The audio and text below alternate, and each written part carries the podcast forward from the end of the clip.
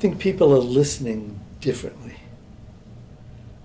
I, uh, Charles Curtis, the cellist, did a concert of my work at a club in New York called Stone, I think. And I was nervous because it was a club, not a concert hall.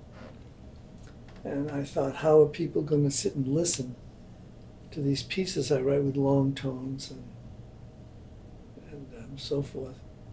And I was surprised. I didn't know people in the audience. They were all different people than I'd ever seen.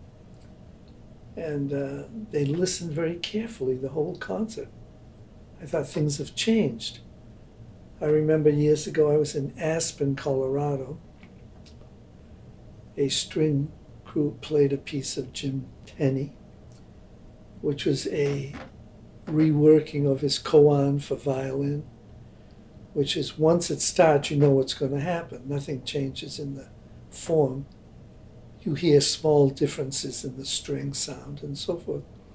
And I remember the audience was distracted. They couldn't pay attention to that piece.